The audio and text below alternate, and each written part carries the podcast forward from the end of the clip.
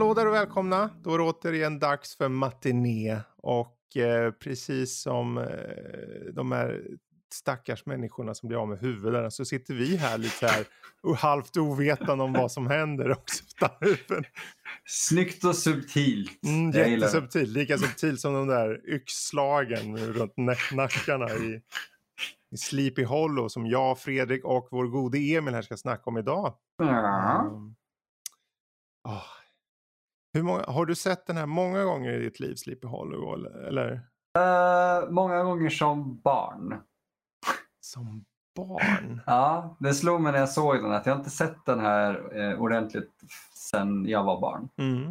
Uh, vi hade den på VHS nämligen och du vet, det var Tim Burton, det var Mm. Johnny Depp och mina föräldrar tyckte den var bra och sen tyckte Mm. jag den var bra. Så jag vet inte vad det var för fel på dem. Ja, men det är väl kul på ett sätt. Det är, liksom, det är kul att du säger att liksom, du tittar, vadå, tittar du med föräldrarna då också? Liksom, eller vad? Ja, både och. Alltså, jag såg den med föräldrarna först och sen Mm. så tog jag med mig den kassetten in till, till mig när jag väl hade köpt en Okej. egen VHS. Mm. Mm. Ja, för den där, jag kommer ihåg när den kom. Den kom ju typ samtidigt som, för Christopher Lee som är med. Jag tänkte, ja men han är ju, vad kul att han är med här och i Star Wars inom kort. Ja. Och det är 99 den kom den här liksom. För mig så känns det som, ja men det var väl inte så länge sedan. Nej, det är ju bara 20 år sedan liksom. 20, 21 år sedan. Ja, det är fan sant, det är lite galet. Ah, jösses. Men vad är, vad, vad är då premissen för den lilla, lilla berättelsen som är Sleepy Hollow?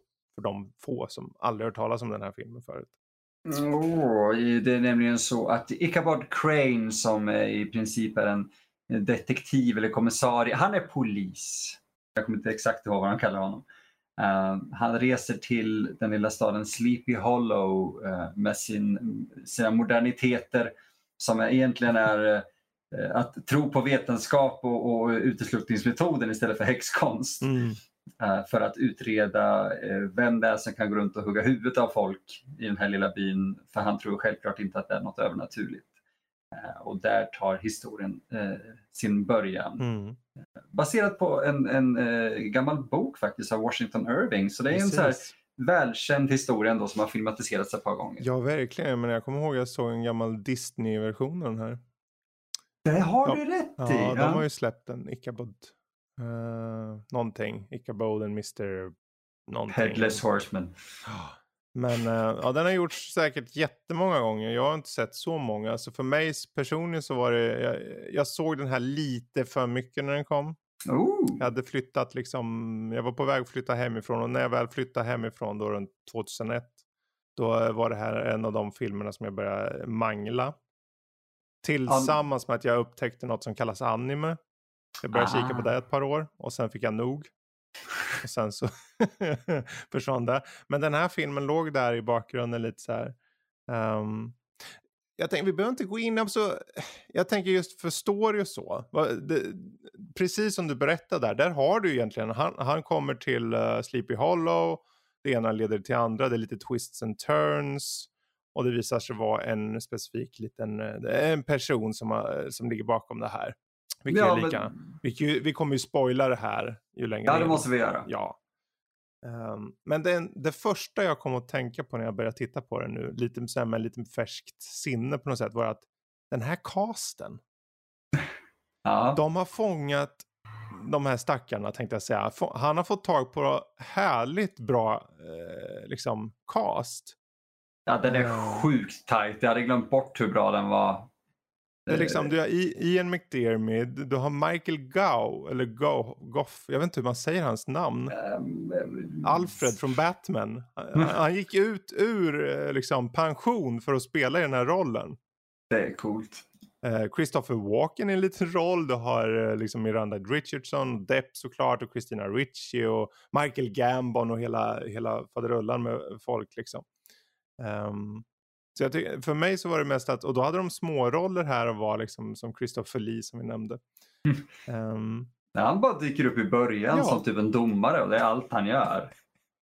Det, det är så weird. För man blev så här, åh, Christopher Lee, vad kul! Nu är Mm. han med mer. Och sen var han med ännu mindre än vad han är i Burtons Kalle chokladfabriken. precis. Vad fan. Men okej. det är kul att se honom i en skräckroll eh, så sent ändå. Mm. Ja, nej det var lite så här. Det var som att han har...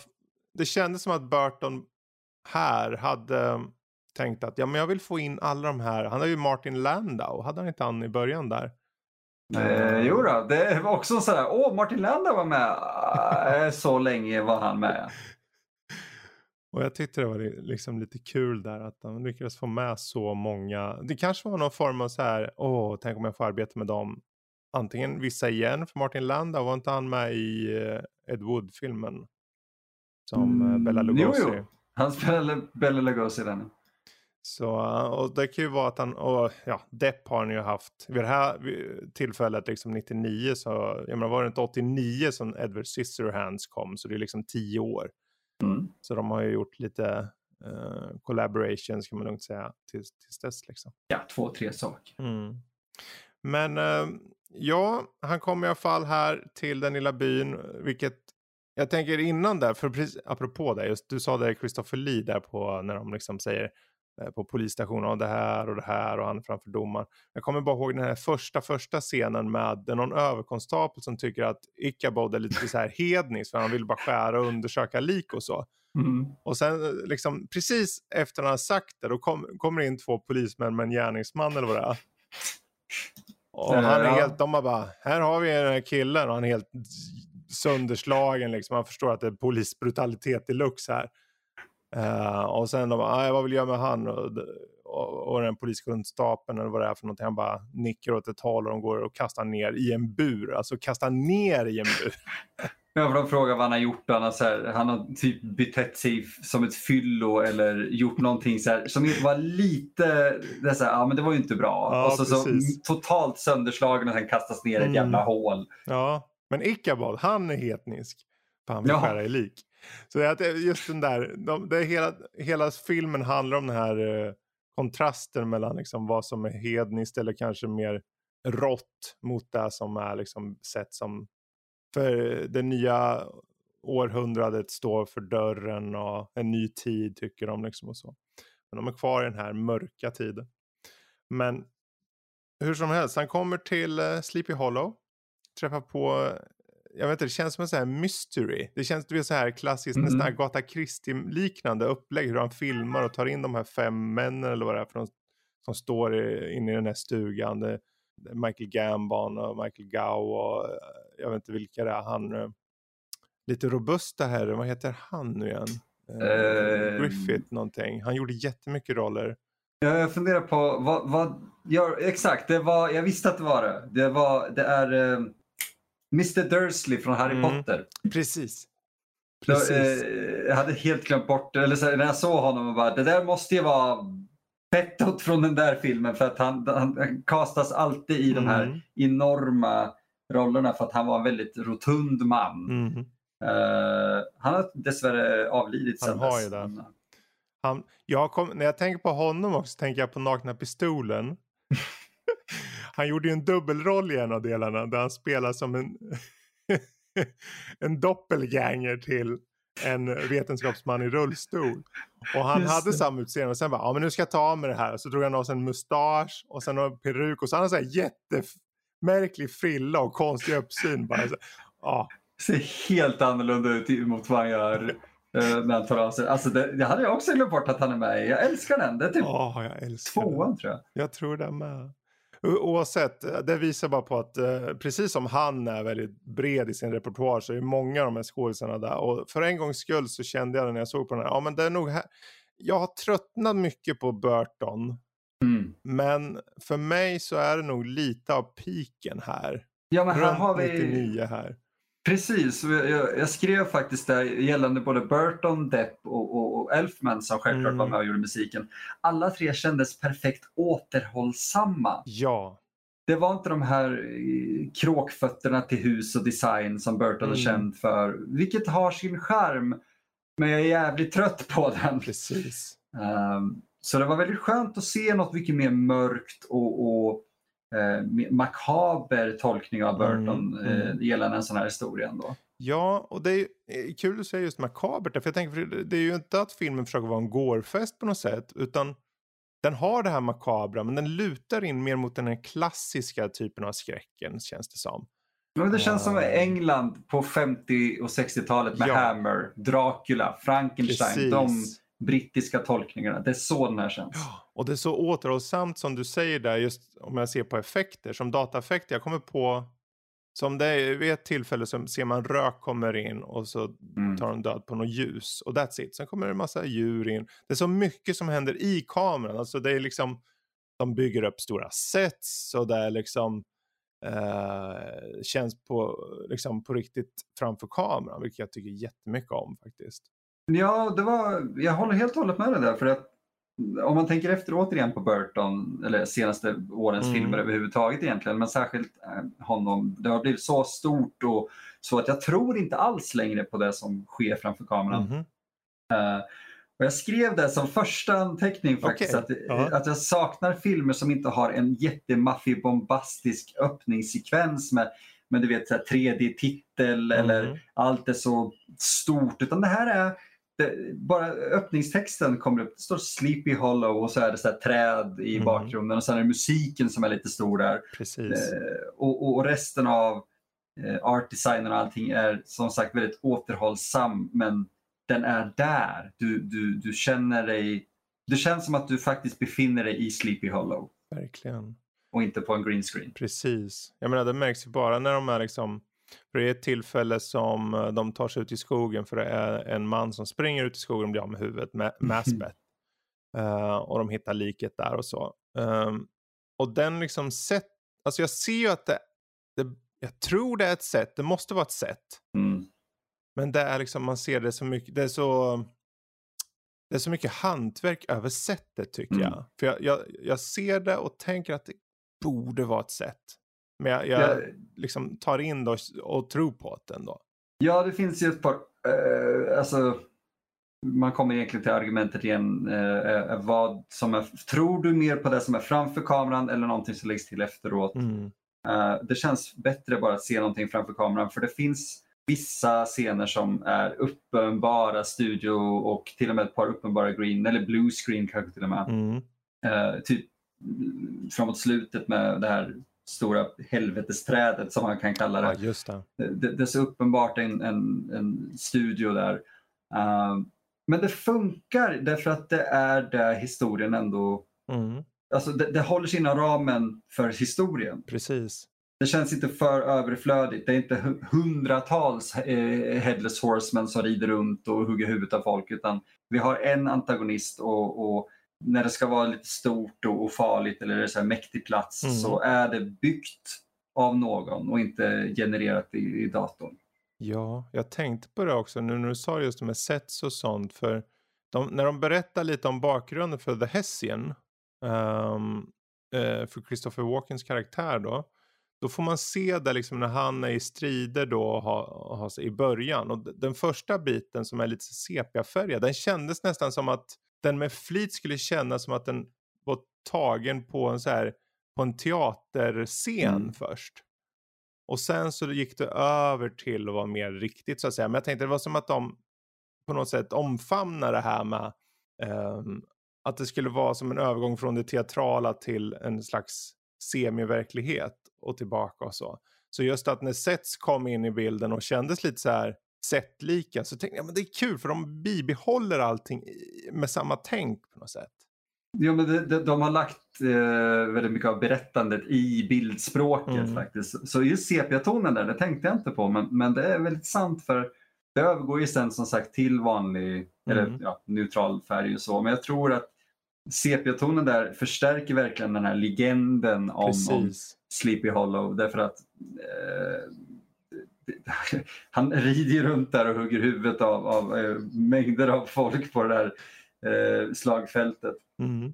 eh, utanför Sleepy Hollow. Och de, de, de be- beskriver det med så eh, teatraliska ord. Med. Det är som Mm. att de berättar om den här legenden. Precis. Och det, sen när de väl kommer till vad som faktiskt hände, Ja. det är då vi ser det i vanlig färg och, och Mm. då är det mycket mer, nej det här var grafiskt och hemskt. Innan är det, och så han hade vässat tänderna och han var, åh han var farlig. Och det är då de visar allt det här. Ja, det är fantastiskt. Det var kul. i- kul. Well spotted. Ja, just vi kan ju ta en litet ögonblick och bara prata om när huvuden skärs av. Ja. För ja, det är många gånger man ser så här, det är dataeffekter i många filmer och de gör så här CGI och så. Det är ju, och här är det mer som att de klipper just i, just där. Men för mig när jag tittar på det, jag känner, fan vad härligt, de gör en kamera på något sätt liksom. Jag, Jag jag, det, det är supertight känns det som, för jag tycker hela tiden, jag kan inte komma på någon så här som, som kanske stod ut som att den var fake, jättefake så. Alltså alla är ju fake på det sättet att det är ju såklart inte riktigt. Men Allt sker i kameran. ja, men liksom jag tyckte hela tiden, som bara redan första gången när Martin Landau blev av med huvudet där framför få- fågelskrämman. Så tänkte Ja. jag, "Fopp, jaha, och det gjorde de i kameran där. Visst är det lite, man, man, det är ju ett klipp där, precis där. Självklart. Men ändå tänkte jag, fan det funkar och jag får se det in kamera. Jag tyckte om det. Jag tycker om alla halshuggningar. Ja, alltså det finns inte en enda dålig halshuggning. Det finns en som är lite så här. eh, ja, det, jag, funderade lite på den för att det syntes att det var lite digitalt. Men Mm. det är också för att det är en av få som typ, du ser hela grejen Mm. Göras. Och jag tror det är med, jag vet att det är med Michael Gambon. Ja, när han får pålen genom eh, magen och sen flyger ut genom fönstret på kyrkan där han trodde han var säker från uh, ryttaren. Precis. Det Och, var, och så in i staketet liksom. det var faktiskt enda tillfället jag tänkte okej nu ser jag att det är lite digitalt här. Eh, fast jag älskar verkligen hela den sekvensen för man tänker att oj, här, nu har folk dött och det är ganska hemskt. Och helt plötsligt så flyger det in en, en, så här- ett staket.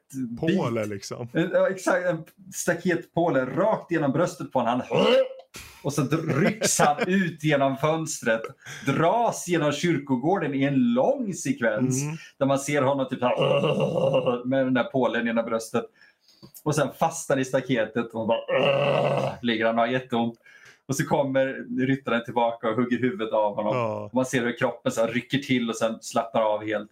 Det är så grafiskt men ändå så... Det är så filmiskt på något sätt. Alltså det är liksom ja, att, att de får det att kännas så filmiskt på något sätt får det, får ju samtidigt köpa. Det är märkligt att man köper någonting som känns overkligt. Alltså det känns filmiskt. För filmiskt, det är ju när man filmar, när någonting känns liksom som att du skapar en egen värld och du har den här tonen på en film, en atmosfär som egentligen är, är verkliga, jag menar tittar du på någon sån här diskbänksrealism då får du aldrig den här tonen som är i den här filmen utan den här är ju högst stiliserad men den är återhållsam. Inte som senare Burton-filmer eller kanske vissa andra. Jag menar, Edward Scissorhands är betydligt mycket mer lutandes mot goth tycker jag och de här bjärta färgerna när den kommer till, till staden. Alltså stora kontraster.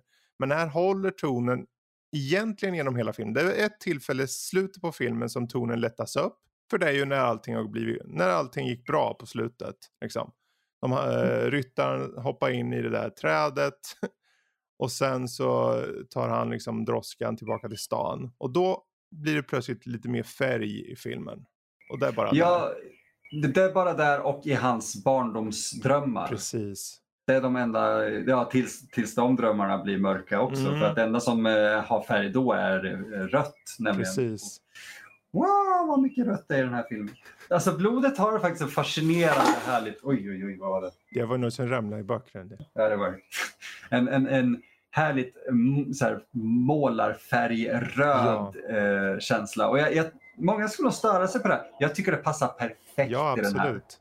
Det, det är trots allt en mörk procedural drama fantasy. Mm, exakt. Eh, Och de men- har ju de här, precis som du sa, med just uh, ekorna från eh, Hammer-filmer och den tiden, 60-tal, där just blod, jag menar, Mhm. ta, bara, eh, ta bara introt när man ser droppar som faller. Ja. Och man tänker, vad är det? Ja, det är ju inte blod, utan det visar sig vara sån här eh, som du stämplar på för att stänga kuvert. Mm. Ja, vax Eh, eller vad vax, det är. Precis. Och jag tänkte, det, var, det där det sätter lite tonen på att det röda kommer fram. Men resten har sin egen, mm, liksom nästan, det är ju, det är ju färg i det, men det är fortfarande lite svartvitt-aktigt på Mm. något sätt. Han försöker ha den här tonen av, som ett filter över filmen liksom. Jag älskar att du säger det. Jag måste bara understryka just att de, de berättar så jäkla mycket med färg. Mm, eh, och, och i, särskilt mycket i bristen på färg. För precis. de få tillfällen där färg spelar roll så har de planterat det tidigt ungefär som med vaxet där Mm. i början. Att då, då vet vi att rött kommer sticka ut. Och det, det är inte någonting man sitter och tänker på uppe. Så här, ah, rött kommer synas i den här filmen. Mhm. Eh, utan det är mer, precis som i Sin City, man lägger märke till eh, kvinnans eh, läppstift och klänning. öppningen. Precis. Det är de två grejerna man ser och hennes ögon för att det är de färgerna som spelar Mm, roll. mhm. Och i den här filmen så är det ta mig fan rött som spelar roll av färgerna som finns. Ja, det, är det är härligt. Jag tycker om Mhm. det. Ehm, men som sagt, just sparsmakat med datoreffekter, mycket i kameran, hela scenerier, det är djur och det är skog och de har tagit sig tid där.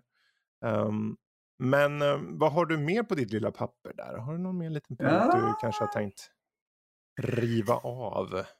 Och riva av precis som ett papper. Eh, ja, okej, så här då. Du, du var inne på att det känns lite som en så Agatha Christie-grej. I alla fall en viss del där när de liksom, de vill, eh, först när Dopp, äh, Depp, inte Dopp, Johnny Dopping. Eh, när Johnny Dopping då ska, när han träffar de här herrarna där på det här, jag vet inte, ett värds- värdshus eller vart tusan det är för någonting. Ja, det är väl det va? Ehm, då fick alltså alla står så här nästan och poserar på något sätt. Alla har sin plats i rummet och jag tycker om det just. Och då fick jag, och sen pratar de om, för han tror ju att det är bara liksom, ja det är, no, det är ett mord han ska lösa det och de börjar berätta om the headless horseman. Och då, det ser ut som de vet saker som de inte vill, de, man vet som tittar att de vet saker som de inte berättar. Även fast inget har sagts. Mm.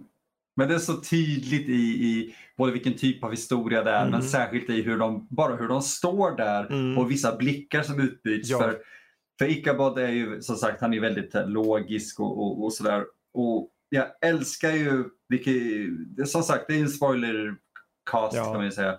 Men det är ju eh, det är så kul att han står fast så hårt vid det här tills att han kommer fram till att det, det här är övernaturligt. Men det är fortfarande det, det är någonting som inte stämmer här. Ja, det må vara en eh, huvudlös ryttare som rider runt och hu, hu, hugger huvudet av folk. Men det finns ett motiv. Vad fan är motivet?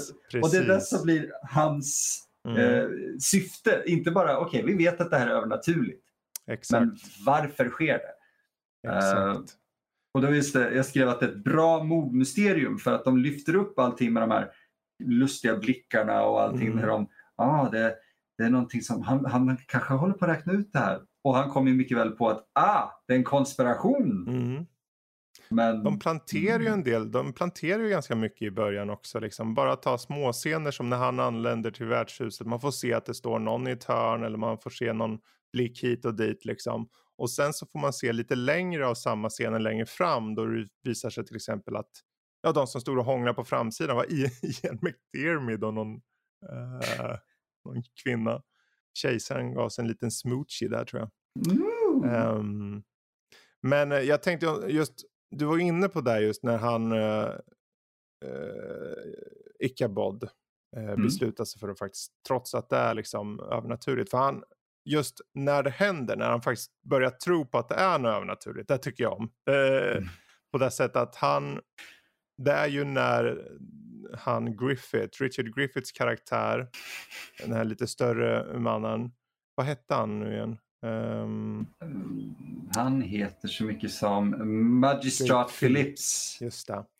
Ehm, han ska ju ta sig ut ur den här lilla hålan och uh, Ichabod följer med och sen så, ja, då kommer ju ryttaren.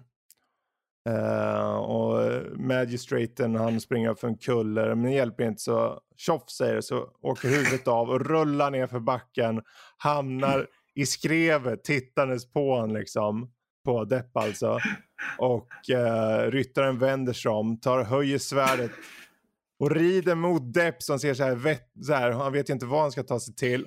Ner med svärdet bara rakt in i skallen och bara slår med sig och rider iväg och han svimmar av Ja, jätte, jättebra scen.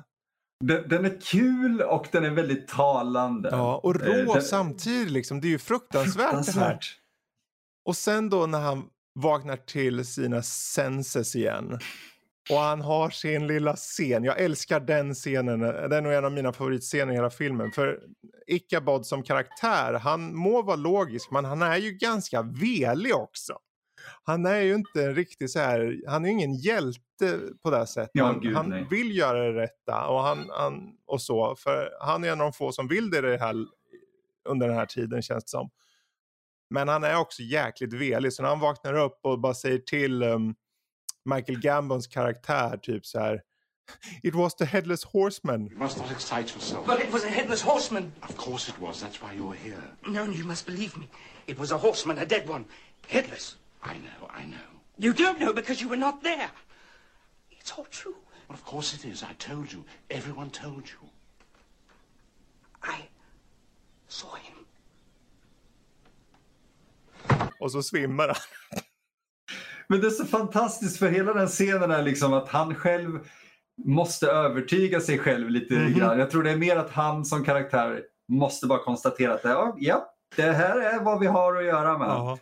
Eh, Och sen istället kom du in där, precis som du sa. För han, det, man tror att han ska ge sig av, att han liksom inte kommer klara det. Men precis som du var inne på förut, han, okej, det är en övernaturlig sak. Det måste finnas något motiv här liksom. Och det är där jag tycker det blir så intressant för han kör jag- vet att jag har varit insnöad på det och det är inte i närheten av det egentligen men han blir lite Sherlock Holmes bara hur han räknar Mm. ut hur ryttaren har ridit och massa grejer i början. Mm. Och sen hur han kommer till konspirationen och börjar här, sätta ihop massa saker. Eh, han känns som Sherlock Holmes om han var full och light. Mm. Liksom. Eh, för han blir så exalterad och provar på Precis. grejer. Men han, han har ett par actionsekvenser faktiskt Ja. också, Ichabod, som är rätt balla. Just för att de är så återhållsamma. Yes. Det är inte Jack Sparrow som snurrar runt i en mast och skriker medan folk skjuter efter honom. Eh, Det är mer jag får ta typ en, en jag vet inte ens vad man ska kalla det, en, en mini-lie Mm. och, och försöka hjälpa till och rädda, Just ja. vad heter han, Johnny Rico. Ja just ja, Casper Van Dien eller vad han heter. Det, det är så weird att han, jag kände, jag kände igen honom så Mm. väl, men det var förrän efteråt när jag kollade rollistan och bara jaha just det, det är han! För Jag har bara hans huvud, hans face för mig är bara Starship Troopers. Mm. Ingenting annat. Det är, Det så det är ju det och indirekt det här då som är hans eh, kändaste roller skulle jag säga. Mm. Ehm, han har inte fått gjort mycket roligt. Han har gjort väldigt mycket B-film. Eh, Ehm, ja, för där, de här sickles eller vad de kallas, de här som man Mm. slåss mot ryttaren där. Man tänker att men nu, nu är det äntligen någon lite motstånd här mot ryttaren. Och han, kom, han slåss ganska bra mot ryttaren Kasper. Den gamle gode Kasper. Mm.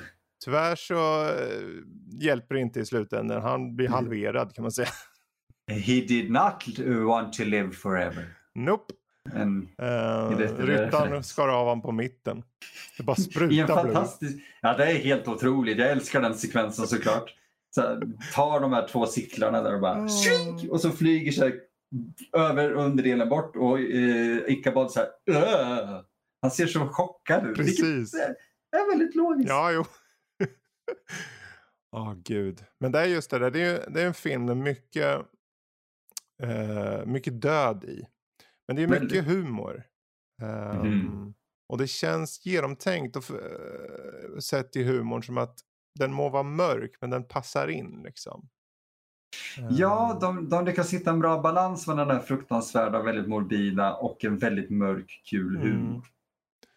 Ja, och sen har vi ju då också Christina Ricci som är med. Hon spelar ju, vi kan ju säga att vad det här i slutändan handlar om är att det är mer eller mindre en häxa då som har eh, satt, vad kan man säga, en, en eh, besvärjelse som gör att eh, ryttaren måste utföra hennes eh, dåd förenklat. Ja, alltså. för att egentligen han vill få tillbaka sitt huvud, är väl egentligen slutpoängen. Som hon då har tagit. Mm. Och hon låter honom utföra hans, hennes dåd. Liksom. Ehm, och hon, Miranda Richardson som det handlar om. När jag såg henne i den här för först, det här var typ första gången jag på riktigt liksom såg henne i någonting. Jag, jag, har säkert, jag såg säkert något med henne innan men efter det varje film jag såg när jag tänkte hon kommer, hon, den här ska vi se upp med, den här kvinnan, hon kommer ha ihjäl någon. Jag litar inte alls på henne efter det här. Hon är fenomenal i rollen, hon är jättebra i rollen. Ja, hon skiner. Oh. Hon är helt otrolig i den här. Alla är helt otroliga i Ja. den här. Men hon som, just den här häxan, Mhm.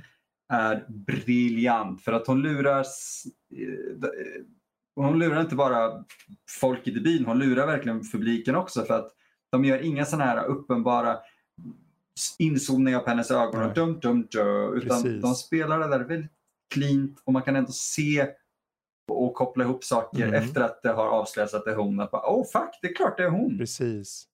För hennes svärdotter kan man säga, alltså Christina Ricci, för hon, hon är ju nämligen ihop med Michael Gambons karaktär, hon eh, Miranda Mm. Richardsons eh, karaktär. Ehm, det är ju dottern då lämnar ju saker efter, för hon är ju den vita häxan kan man säga. Hon är ju den som står för Mm. någon slags snäll magi, men det vet ju inte den gode Depp.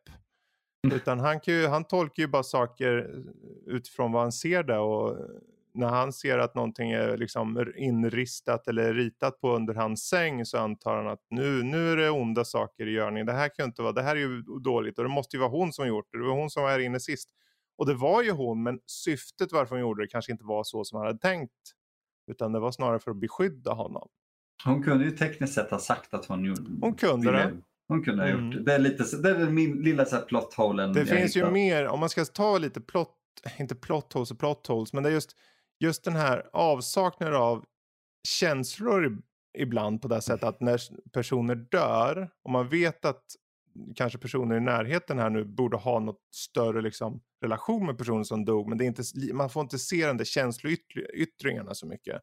Som den här lilla, som den här pojken till exempel vars pappa blir hals, halshuggen liksom.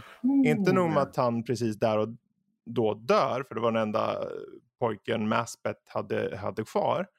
Eh, sen så liksom hjälper han till med att bära upp kistorna och sånt för Ichabod som ska göra undersökningar.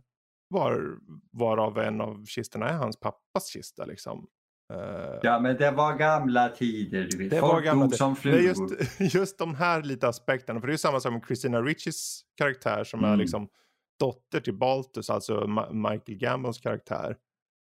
Det får inte så mycket utrymme för att sörja direkt. Det känns inte som att Alltså- eh, det ens tas upp riktigt känner jag.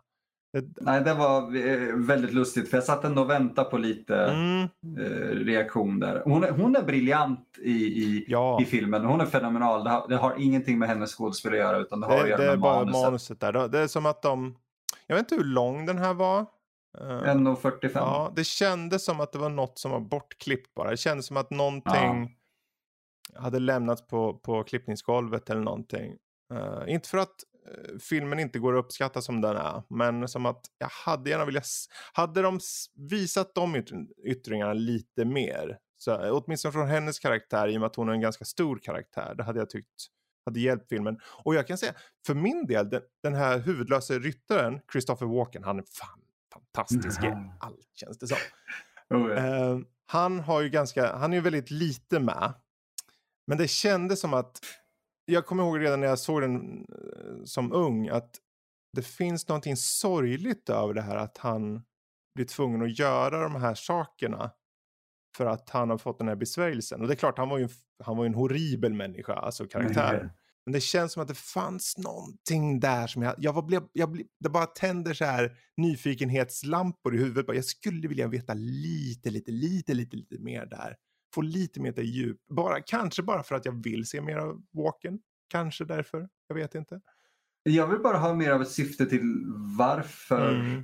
Jag vill veta mer om karaktären Ja, helt enkelt. precis. För att det, det känns...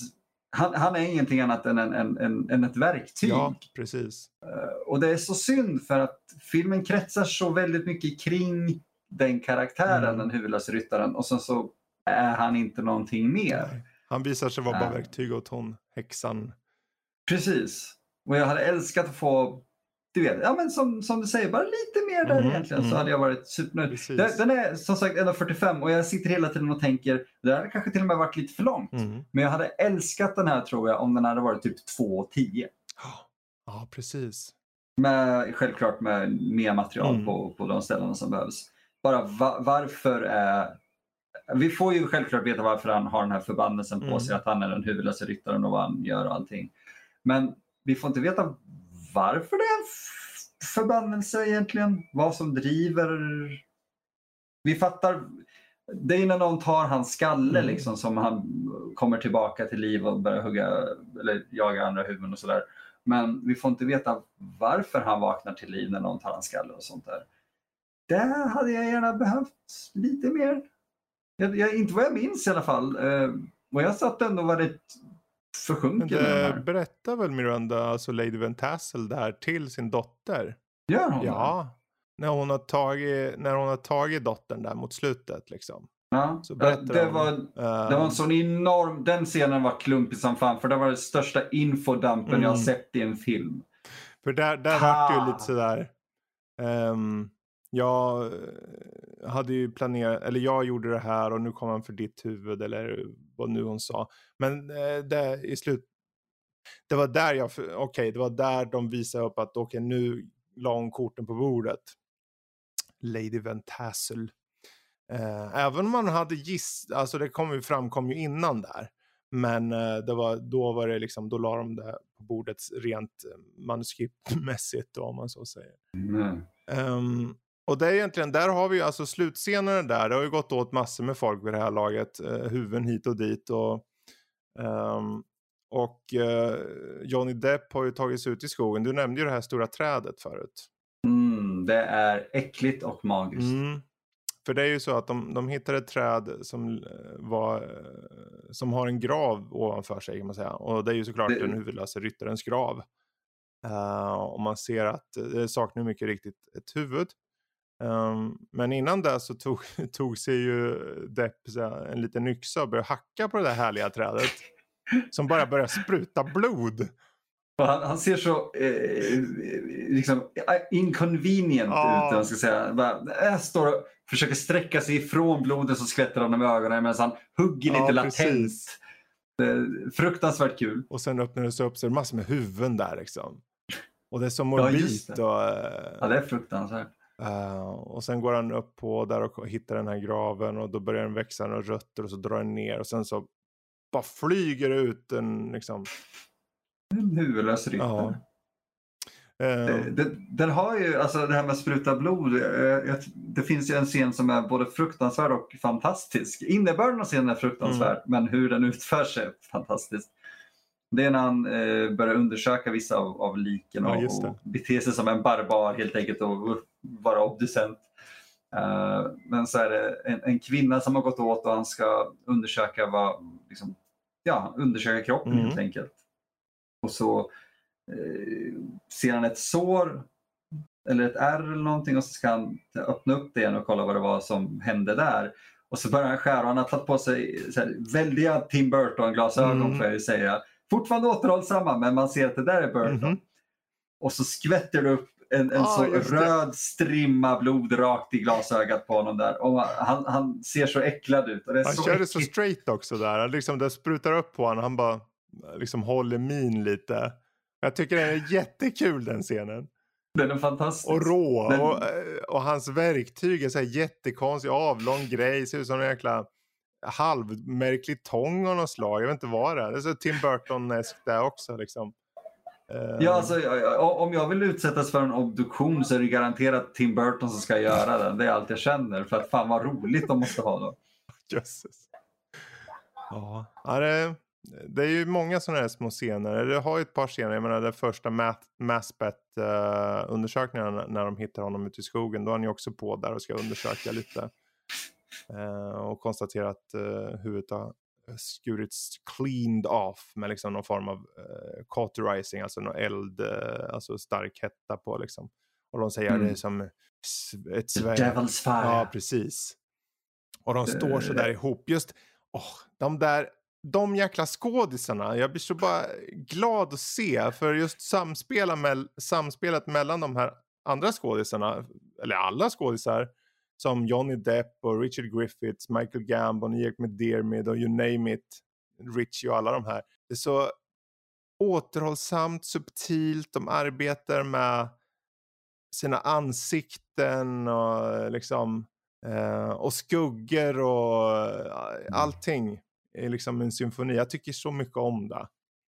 Ja, men det, det är den här och uh, The Libertine som kom 2004 uh, med Johnny Depp som har bo, båda är väldigt återhållsamma, väldigt Mm. bruna, gråa period pieces med fantastiska casts båda två.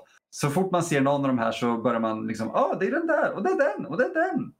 Eh, Jag, jag tycker båda de är eh, fantastiska filmer just för att de är inte så stora bombastiska. Man har fokuset på skådespel och manus Precis. Otroligt jäkla bra film. Ja. De- Jag kommer att tänka på att det finns ett par uppenbara så planteringar Mm. som störde mig lite. Men, men det är också så här, man får tänka på att det här är någonting jag sitter och typ pluggar på Mm. om hela tiden och håller på med hela tiden. Så jag stör mig på saker som ingen annan gör. Men när han får eh, boken av, av Richie, Mm. han får en liten bok om, om besvärjelser och grejer. Och de säger någonting i stil med att den här kan rädda dig sen eller kan komma till nytta. Och det enda jag tänkte var då var, ja men okej, det där kommer ju vara den boken som typ hindrar honom från att bli mördad på något vis. Precis. Och mycket riktigt så är det det som sker. Eh, han blir skjuten i bröstet av eh, Miranda Richardson och hon skjuter honom rakt i den här lilla boken Mm. istället. Självklart, han har ju fått användning av boken tidigare i filmen också, så det är ju inte bara en sån plantering. Men jag kände på en gång bara att aj, aj, aj, okej, ja, ja, Jag, tyckte, jag, jag tog det hela tiden som att de, de ville vända på det som att okej han kommer använda besvärjelse, han kommer få, få hjälp som att han lutar publiken åt det här hållet. Men i slutändan var det bara ett skott som räddade han istället. Eh, Ja, Så att det var liksom så förenklat på något sätt som gjorde att jag bara, ja men den kom ju till användning, inte kanske så som många hade trott när de tittade på filmen första gången. Ehm, Han får ju användning av den på två sätt visserligen. Mm. För den ena är när han bestämmer sig för att han ska sticka därifrån Precis. för han har inte löst mysteriet och, och han bränner sin, så här, vad ska man säga, sin fallbok, sin mapp med alla hans anteckningar. precis. Och så åker han därifrån. Han, st- först funderar han på, ska jag bränna den här boken jag fick av henne också? Så, Nej, det gör han inte. Det. Men så börjar han bläddra i den som att han kommer på någonting när han är på väg därifrån i droskan. Och sen upptäcker han att det här, eh, det, jag kommer inte ihåg vad det heter, det någonting Eye eller vad det är, The Evil Eye Mm. eller någonting kallar de det. Fast det är egentligen en, en god symbol och det är den som Christina Ricci har gått runt och klottrat överallt Precis. hos honom. Eh, och han får ju reda på den via boken och sen blir han skjuten i boken. Mhm. Så den får ju två syften. Och sen bara, jag, jag, det är någonting väldigt kul med, med hur han ber eh, den här chauffören att stoppa droskan. Hur han så böjer sig ut och typ bara Stop it! Turn it around! What? Turn it around! Det är någonting han säger där som bara fick mig att fnissa väldigt högljutt. Ja, just om vi pratar om Depp lite. Mm. Eh, det är ju många filmer han gjort med Burton. Jag tycker det här är nog hans bästa prestation av alla. Jag eh, skulle, ja jag skulle nog säga det. För mig i alla fall. Ehm, sen finns det ju ett par som jag kanske inte har sett så mycket av. Så jag kanske skulle, som Libertino har jag knappt sett. Ehm, men det är just Ja, det är inte Burton heller. Nej. Så det är, men som Depp-filmer liksom. mm. Ehm, men jag känner just här att det känns som att han kör en karaktär som är lite mer grundad i verkligheten. Även om det såklart är over the top i sig. Beroende på hur filmen är såklart. Men att han, han är lite mjäkig men han vill väl. Han tror på det logiska. Man måste ta in det som händer och försöka ändå göra det rätta i situationen och tänker efter och så. Så jag, jag tycker mycket om karaktären han får fram här. Ja, men det känns som att han faktiskt spelar i samma film som alla andra Mm. gör. Medan det i många andra filmer blir han som spelar tio gånger, inte bättre alla gånger, utan tio gånger över alla andra. Precis. Ty, typ Pirates of the Caribbean. Och där funkar det. Men i Willy Wonka, ja Willy Wonka ska vara lite excentrisk men det kan vara excentrisk som Gene Wilder gjorde det eller excentrisk som Depp gjorde det och när Depp gör det så blir det bara för mycket. Mm. Eh, och jag, jag, jag, jag, jag tycker han gör så jäkla bra jobb här med att spela på samma nivå som alla andra och inte här, explodera över. Precis. Eh, Förutom de tillfällena typ när han vaknar upp och så här, måste konstatera att det fanns faktiskt en huvudlös ryttare. Ah, ja. Ja. ja. Jag tror han beskrev Ichabod Crane någon gång som uh, being so tight he couldn't fit a pin up his ass. Det, det är en bra beskrivning av Ichabod faktiskt. Jag gillar den. Det var bra. Ja, jag, ja. jag tror Tim Burton sa till Johnny Depp då att uh, one of the best fainters in the business. He also wakes up good for me. Liksom. Uh, det, det, är karaktären då uh, för Johnny Depp. Mm. Uh, så där, men um, vad har vi sen som händer? Alltså, det är ju hela det här med att de får reda på att det är Miranda Richardson, The Lady Ta von Tassel och sen. Jag tänkte på det för det avslutar på liksom mer eller mindre en, en kvarn där. Ja. Eh, fick mig osökt att tänka lite på Frankensteins monster nästan lite grann. Mm, väldigt så. Ja, den börjar ta eld där och de tänker sig att eh, den här ryttaren brinner inne men han är ju redan, kan ju inte döda något som är redan dött. Nej, mycket riktigt. Han de säger väl det till ja, och med, eller hur är det? Ja. Jäkla kul faktiskt. Så... Ja, men det, det är väl de, lite sådana scener, de här lite väl bombastiska scenerna, enligt mig väl bombastiska, som får det att kännas för mig, det, jag satt och tänkte under många av dem så här, ah, jag önskar att de hade varit lite mer återhållsamma här ändå. För att jag, jag gillade verkligen mystiken som pågick mm. istället för att det blev typ Van Helsing. Uh, och jag har inga problem med filmen Van Helsing, men jag vet också exakt vad det är för popcornrulle jag ger mig in i. Precis. Uh, här vill jag ha det här lågmälda mysteriet och inte så mycket huvuden som flyger på en och samma gång. Uh, men det, ja, alltså det finns så många bra drömsekvenser exempelvis som, som verkligen fångar den här skräckkänslan mm. filmen har ändå. För jag minns en bild som skrämde skiten ur mig som barn och trots det såg jag filmen flera gånger. Men det är, de, de leker med färger mm. där igen och det, det är Ikabods pappa, om jag nu minns rätt, som eh, kommer gåendes genom en stor vit kyrka mm. typ. Eller, ja, och det är röd dörr och Ikabod gömmer sig i, i bänkarna. Och det är lite, inte så riktigt slow motion fast det är typ 20 bilder ute kanske eller någonting. Så det är så lite, nej inte 20 bilder, ah, okej okay, fuck it. Det är lite långsamt. Och eh, Han kommer ut från ett, ett rum, den här röda dörren. Så går han in, Ikabod går in genom den som hans pappa precis kom mm. ifrån. Och, och, så är det mängder av så här redskap och typ vapen och tortyrgrejer. Och så kommer han upp till en sån här järn, mm. eller Iron Maiden. Kommer inte ihåg vad de heter på, är det järndam? Järnjungfru eller något. Järnjungfru, exakt. Uh, och så ser han bara två ögon som mm. stirrar på honom därifrån och så öppnas den upp och det bara forsar ut blod. Uh, och så, så ser han att det är hans mamma mm. som är fast i den. Uh, och det är en fruktansvärd bakgrundshistoria som inte får jättemycket Alltså vi får lite info mm. om det självklart och så. Men jag hade velat ha ännu mer. Ja, eh, de... Men jag minns att de ögonen skrämde ja, skiten ur mig som barn. Jag tycker det var, den sekvensen framförallt står ju ut. Mm. Uh, jag tyckte jämt att det var, jag tyckte aldrig riktigt om alla de här bakgrundsgrejerna de försökte göra till Ichabod. Som det kändes som mm. att de försökte krysta in något eh, på sina ställen. Um, även om det var liksom, det skapar ju en stämning och det skapar den här origin-känslan, liksom varför han är som han är och så. Och det är bra. Men, jo, men det ehm, utvecklar ju inte honom nej. som karaktär. Så jag, jag, jag hade gärna sett att de tagit bort mer av det nästan. Uh, mm. Eller bara, de, de skulle ha va valt antingen köra mm. mer på det eller ta ner det mer.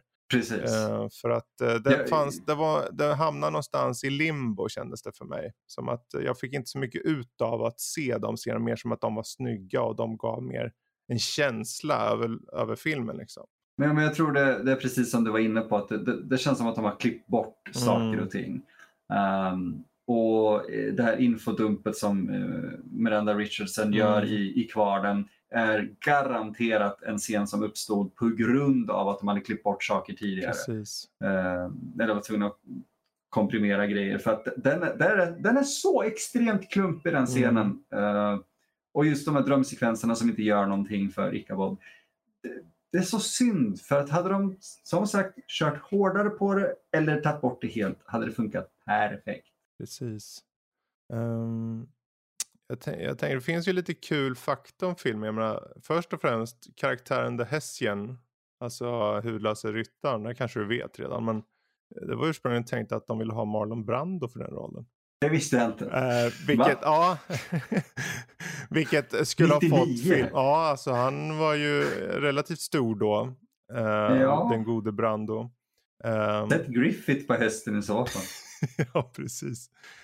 Um, och sen så är liksom att, att det finns en, det finns ju mycket historia bakom hur mycket de försökte göra film och så. Jag menar det är ju executive producer är ju, det är Coppola. Det är Coppola. Det hade jag ingen aning om heller. Uh, jag, för jag, när jag började titta på filmen, jag vänta, vänta, vänta, vänta. Stod det executive producer Coppola? Ja, det stod det. Jo, men du, vet du varför? För där reagerade Ja. jag på. Den är nämligen i en samproduktion med American Soul Troop. Okej. Och American Soul Troop var nämligen det som eh, grundades i början av 70-talet som var basen för Star Wars, Hajen, eh, Gudfadern. Det är liksom de här håriga, skäggiga männen, alltså Coppola, Mm. Ja. Lucas, eh, Spielberg. American Soul Troop var deras produktionsbolag, I guess. Och det är nog därför Coppolas namn är med här. Eh, För att han är fortfarande, eller jag vet, då var han det i alla fall, Han den har varit anställd 98 för att regissera Oh. filmen först. Nej, vad intressant. Men han, i och med att han sa det då att han hade aldrig regisserat en skräckfilm eh, på det här sättet. Så, han, så att det sköts ifrån honom då och sattes på någon annan och Tim Burton blev då eh, valet. Ehm, Vilket är roligt för han själv sa nämligen så här. eh, Det finns ett citat här. eh, 98 sa han. I, I had never really done something that was more of a horror film. And it's funny because those are the kind of movies that I probably more than any other genre uh, would like to do. Ooh, det är många stora som vill göra skräck Mm. faktiskt. Han gjorde typ Dementia 13 och regisserade kanske en halv dag på The Terror. Uh, och de kan man ju inte klassa som skräck Nej. riktigt om man nu är lite snarky. Uh, så jag förstår att han kanske var, eller att folk och han själv var lite skeptisk till att han skulle kunna hantera det här. Precis. Ja, och jag tror just som att, och det här då, för många, nu på senare år så har ju Tim Burton är ju Disney numera. Han, han tillhör gud, ja. Disney så att eh, allt han gör, han, han gjorde till exempel senast Dumbo tror jag. Eh, Mm. förvisso helt okej. När jag såg den, men den är så CGI. Och Ja. den är ju absolut inte lika usel som de här eh, Alice i Underlandet-filmen. Filmerna. Åh gud, nej, de var fruktansvärda. Men här har han kommit till sin rätt. Han, han verkar vara lite mer styrd. Och jag tror om han är styrd lite, det, det hjälper honom. Eh, kanske inte hjälper manuset. Men eh, det hjälper i alla fall filmen och filmens bildspråk och allt det där. Men jag har här, tre tankar just nu som jag bara måste få ur Mm. mig. För, för, jag, det är så störande. En av dem är just Disney. Ja, Du sa att han eh, typ ägs av Disney nu kan Mm. man säga. Vilket han gör typ. Men om vi tittar tillbaka till 80-talet mm, så ägdes han av Disney då också. precis. För att då gjorde han Vincent, eh, sin första typ kortfilm, eh, satt han animerade på Disney-tid. Mm. Eh, och sen fick han typ sparken kan man säga. För att ja, han satt och gjorde en film som absolut inte passade dem. Exakt. Eh, och han, jag kommer inte ihåg om han var typ animatör. Jo men han var ju Disney. där för Disney. Mm. Ehm, länge. Eh, och sen bara tittar man på planschen och stilen i den här filmen med tanke på Coppola. Mm. För jag, jag var lite snarky och sa Dementia 13 och de där. Absolut. Han gjorde även Dracula. Mm. Bram Stokers Dracula typ 1992 Ja, tror jag. Precis. 91-92 med Gary. Oldman. Den, den är katastrofal på många vis som en tolkning av Dracula. Eh, men den har en stil Mm. som jag definitivt känner igen här. Eh, och sen Kevin Jäger har varit med och skrivit den här. Mm. Kevin Jäger, för att, just för att det- är så många namn här i som man bara vänta här nu, är den med? Den med? Kevin Jäger är också weird för att han har typ gjort, han har skrivit två saker. Jag kommer inte ihåg vad den ena grejen är, men den ena är Sleepy Hollow tillsammans med någon annan. Och sen har han mest gjort creature effects och sminkeffekter Jaha. i mängder av filmer. Okej. Ja! Det är helt sjukt. Jag var tvungen att så här dubbelkolla för ja, jag kan namnet på folk som gör effekter. såklart. Eh, och jag blev bara så paff att vänta, är det snubben som liksom var med och gjorde Freddy's Nightmares? Och mycket riktigt, det är Mm. snubben som var med och gjorde många av Freddy, har gjort, alltså de här Terror på Elm Street-filmerna. Det är så skumt bara att, att den människan sätts på att göra manuset till eh, Sleepy Hollow. Men det är en effektdriven film Ja. så han visste väl vart han skulle använda det. Det kan nog vara så. Men det kan ju förklara manuset också lite. Delvis, Mm. det tror jag definitivt. För det är bra, men det är inte 100% här. Så är det ju. Utan man, man får ju gå in det som den här som en upplevelse mer så. Ehm, Ja, det är ju en saga. är det ju. så är Det- ju. Det, ju, Det handlar om stämningen, det handlar om utförandet. och Tim Burton kom till sin fulla rätt vad gäller det i alla fall. Den här Mm. eh, tafattheten och lovabilityn, eller vad man vill nu säga, som finns hos Ichabod tycker jag funkar bra.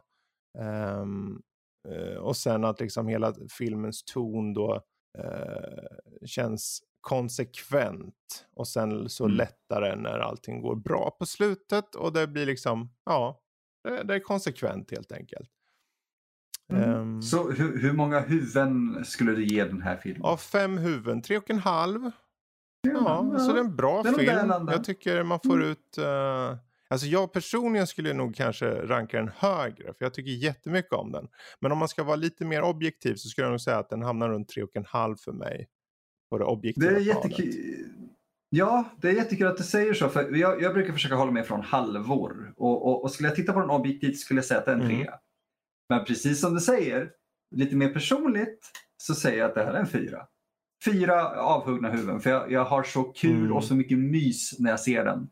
Eh, ja, det är de där små bristerna som håller det tillbaka från att vara Ja. en, en femma. Jag tänkte, för jag såg den här ett tag sedan med min uh, äldsta dotter. Och hon Mm. undrade om den var gjord nyss eller tidigare.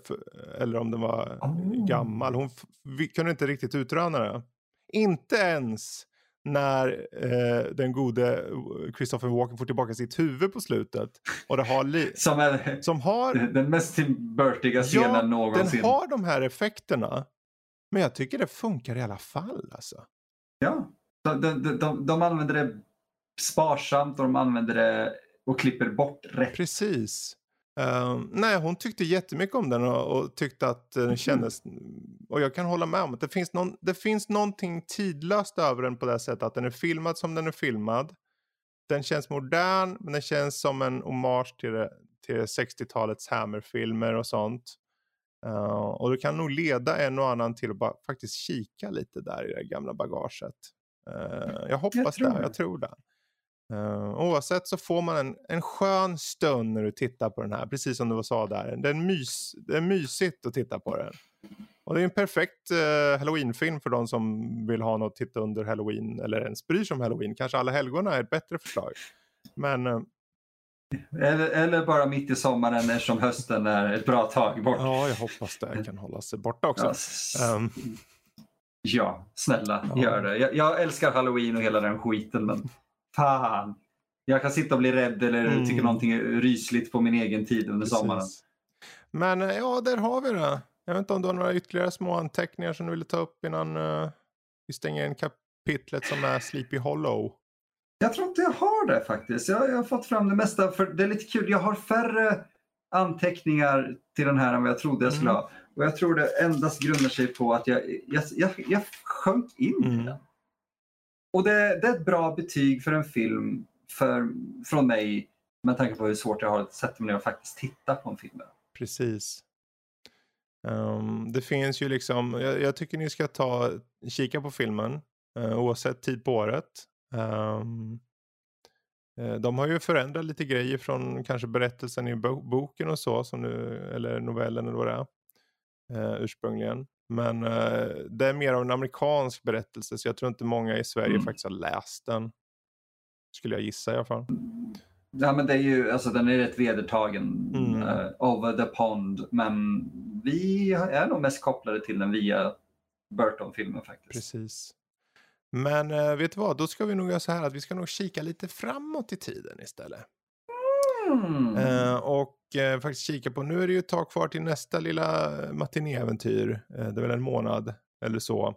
Eh, och för, ja, det kan vara bra i förebyggande syfte att veta vad vi ska titta på då. Och då har vi faktiskt ett gäng filmer i en liten snurra här.